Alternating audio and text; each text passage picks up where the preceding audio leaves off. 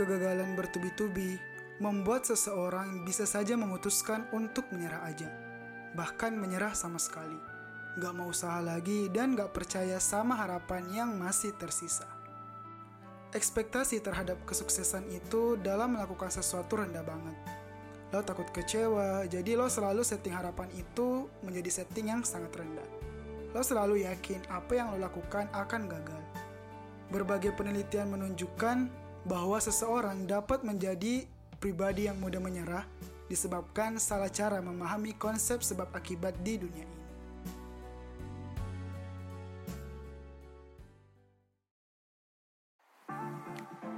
Welcome to Klik Kelas Podcast. Sebuah karya podcast dari Klik Kelas yang menyajikan berbagai insight positif yang akan menemani hari-harimu. Menjadi muda yang selalu bertumbuh setiap hari.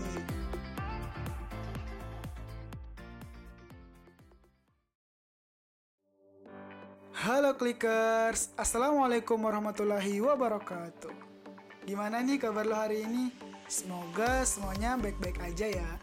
Kembali lagi bersama gue Ari di Klik Kelas Podcast. Baiklah di podcast episode ke-8 ini gue bakal bahas tentang pribadi yang mudah menyerah dan menjadi tidak berdaya.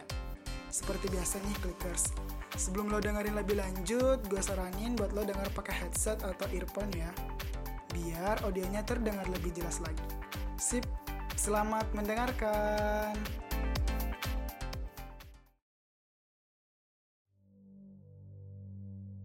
Kemarin gue dicurhati seorang teman yang udah 2 tahun berjuang mencari kerja. Pasalnya udah 2 tahun ngelamar sana sini tapi akhirnya sering gagal di bagian interview. Kok gue gagal terus ya daftar kerja? Tanyanya. Terus dia ngelanjutin lagi nih. Padahal teman yang mempunyai kemampuan yang sama udah keterima kerja duluan. Apakah ada dari lo yang pernah ngalamin hal serupa? Kegagalan berkali-kali pada konteks yang berbeda. Misal nih, ada dari lo pengen banget berkuliah di universitas-universitas keren. Akhirnya lo belajar matematian demi bisa masuk ke universitas impian. Selayaknya banyak sistem sekolah lainnya, lo masukin nilai sekolah sama nilai ujian nasional. Berharap supaya lo bisa beruntung diterima melalui jalur undangan. Setelah segala proses yang melelahkan itu, masa pengumuman jalur undangan pun tiba. Eh ternyata lo belum berhasil keterima di universitas yang lo harapin. Oke lah, lo masih berbesar hati dan ngomong kayak gini. Gak apa-apa, lo berjuang lagi melalui jalur ujian SBMPTN. Persiapan menuju ujian masuk perguruan tinggi tentu gak mudah. Lo belajar lagi dan menjalani tes itu. Setelah semua proses itu, ternyata lo gagal lagi. Dari sini lo merasa mulai down. Dua kali kegagalan ini bikin jatuh banget mental dan kepercayaan diri lo. Lo masih berbesar hati.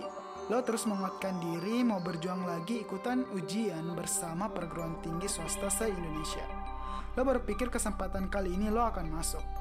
Lo yakin Tuhan akan baik sama lo. Tapi ternyata lo gagal lagi. Di sini lo merasa makin down dan perasaan gak berharga mulai muncul begitu kuatnya.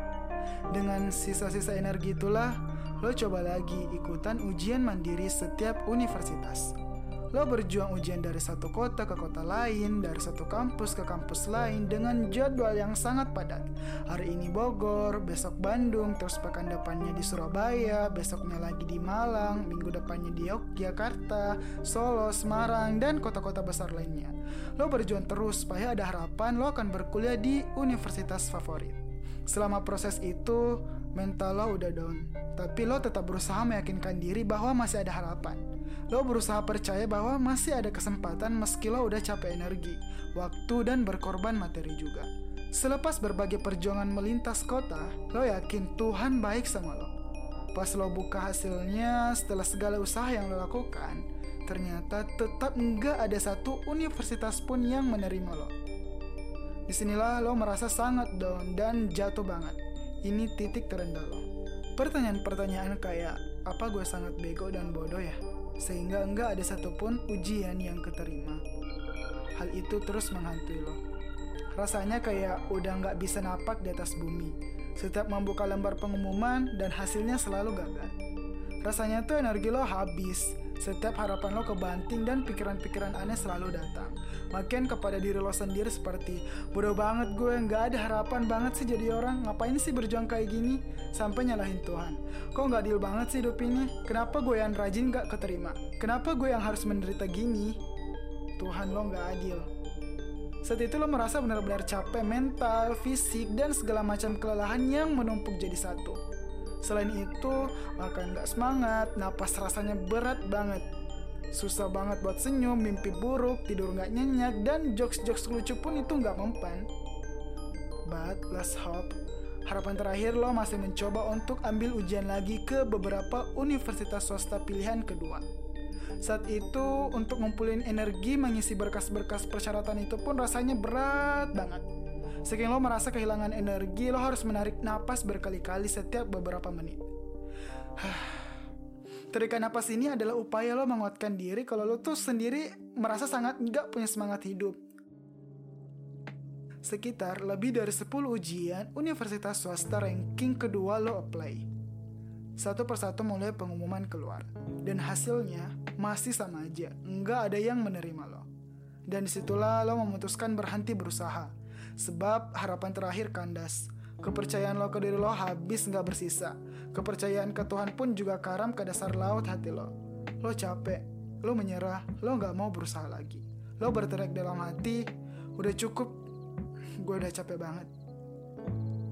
Well, clickers, apa yang gue ceritain barusan adalah kisah nyata dan benar-benar terjadi pada salah satu teman gue. Lo bisa jadi punya cerita yang berbeda, bisa jadi lebih ringan atau lebih berat. Contoh nih, siapa di sini yang pernah ngalamin kegagalan dan merasa setelah itu kapok berjuang? Bisa aja dari lo yang berusaha nurunin berat badan tapi setelah mencoba berbagai macam diet dan gagal.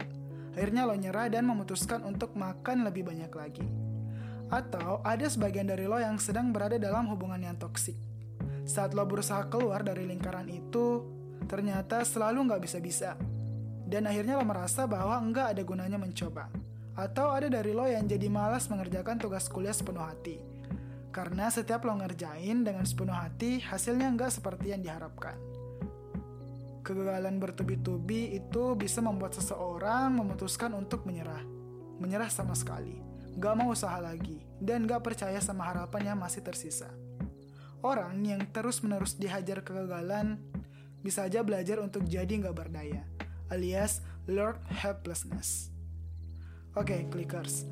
Lo pernah dengar gak istilah learn helplessness? Yang kalau di bahasa Indonesia kan artinya belajar untuk jadi nggak berdaya.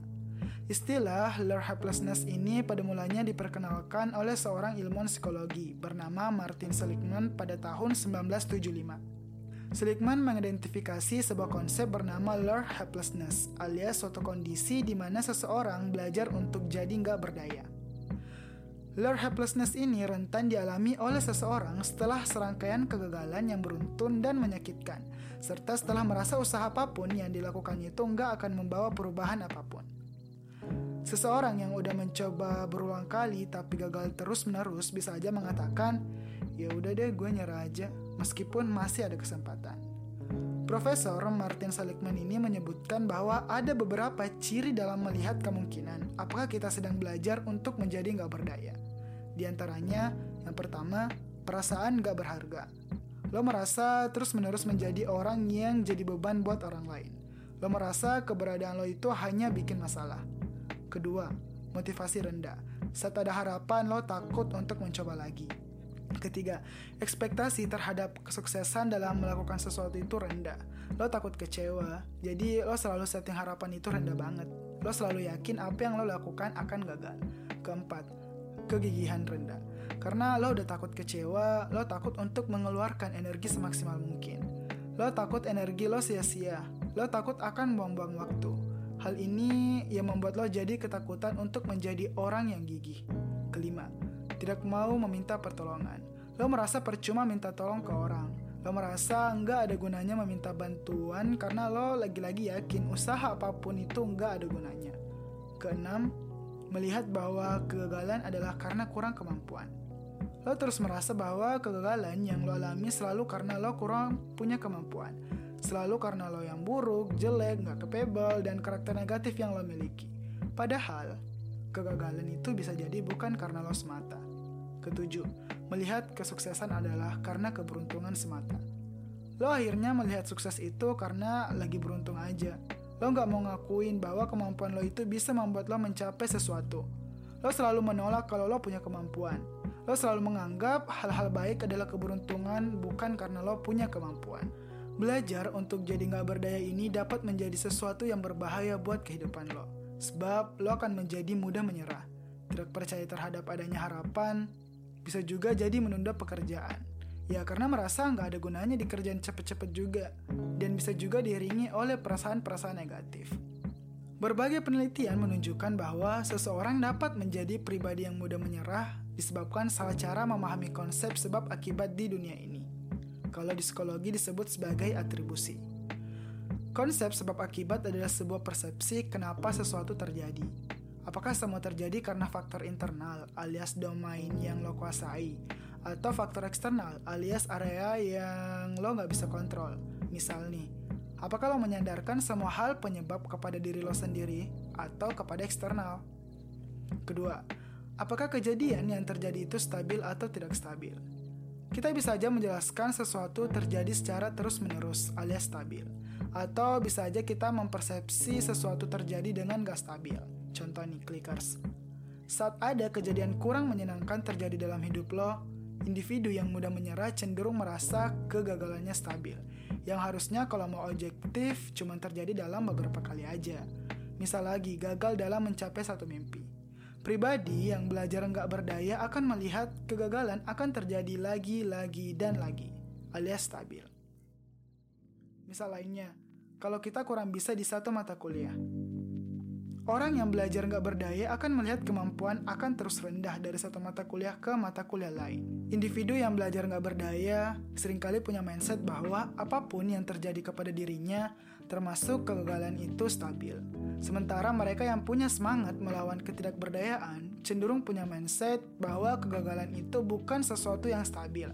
Artinya hidup tidak selalu berisi kegagalan. Apa yang kita usahakan secara objektif nggak selalu gagal kok pasti ada dalam hidup kita sesuatu yang kita usahakan dan berhasil. Individu yang terjangkit alert helplessness ini biasanya nggak menghargai kesuksesan yang telah ia capai. Ia berpikir bahwa kesuksesan yang ia alami itu adalah sesuatu yang tidak sengaja, kebetulan, dan gak berharga. Mau nggak mau, apa yang harus kita lakukan pertama kali adalah mengubah mindset dengan memulai dari cara melihat sebab akibat internal versus eksternal. Pahamilah bahwa nggak semua kegagalan itu salah lo atau karena kemampuan lo. Bisa aja karena kesalahan eksternal. Jadi karena kemampuan lo baik, suatu saat dengan kemampuan lo tadi akan ada jalan lain yang terbuka. Memandang sesuatu itu adil. Kadang ada kejadian-kejadian yang lo bisa kontrol, tapi kadang perlu dipahami juga ada banyak faktor eksternal yang membuat suatu hasil itu nggak sesuai harapan. Stabil versus nggak stabil. Misal, kita ubah dari mindset kegagalan adalah sesuatu yang cuma terjadi dalam hidup lo.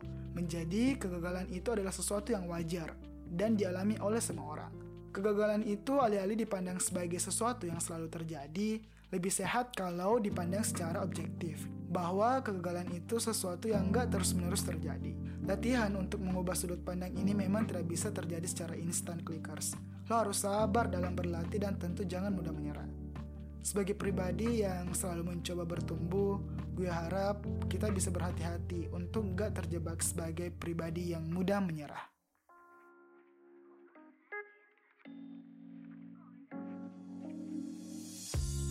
Cukup sekian dari gue.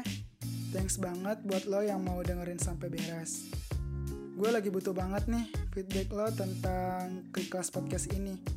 Lo bisa langsung berkunjung di Instagram at click.class. Di sana banyak juga insight positif lainnya. Sekali lagi, gue Ari. Sekian dan terima kasih. Semangat menjadi muda yang selalu bertumbuh setiap hari.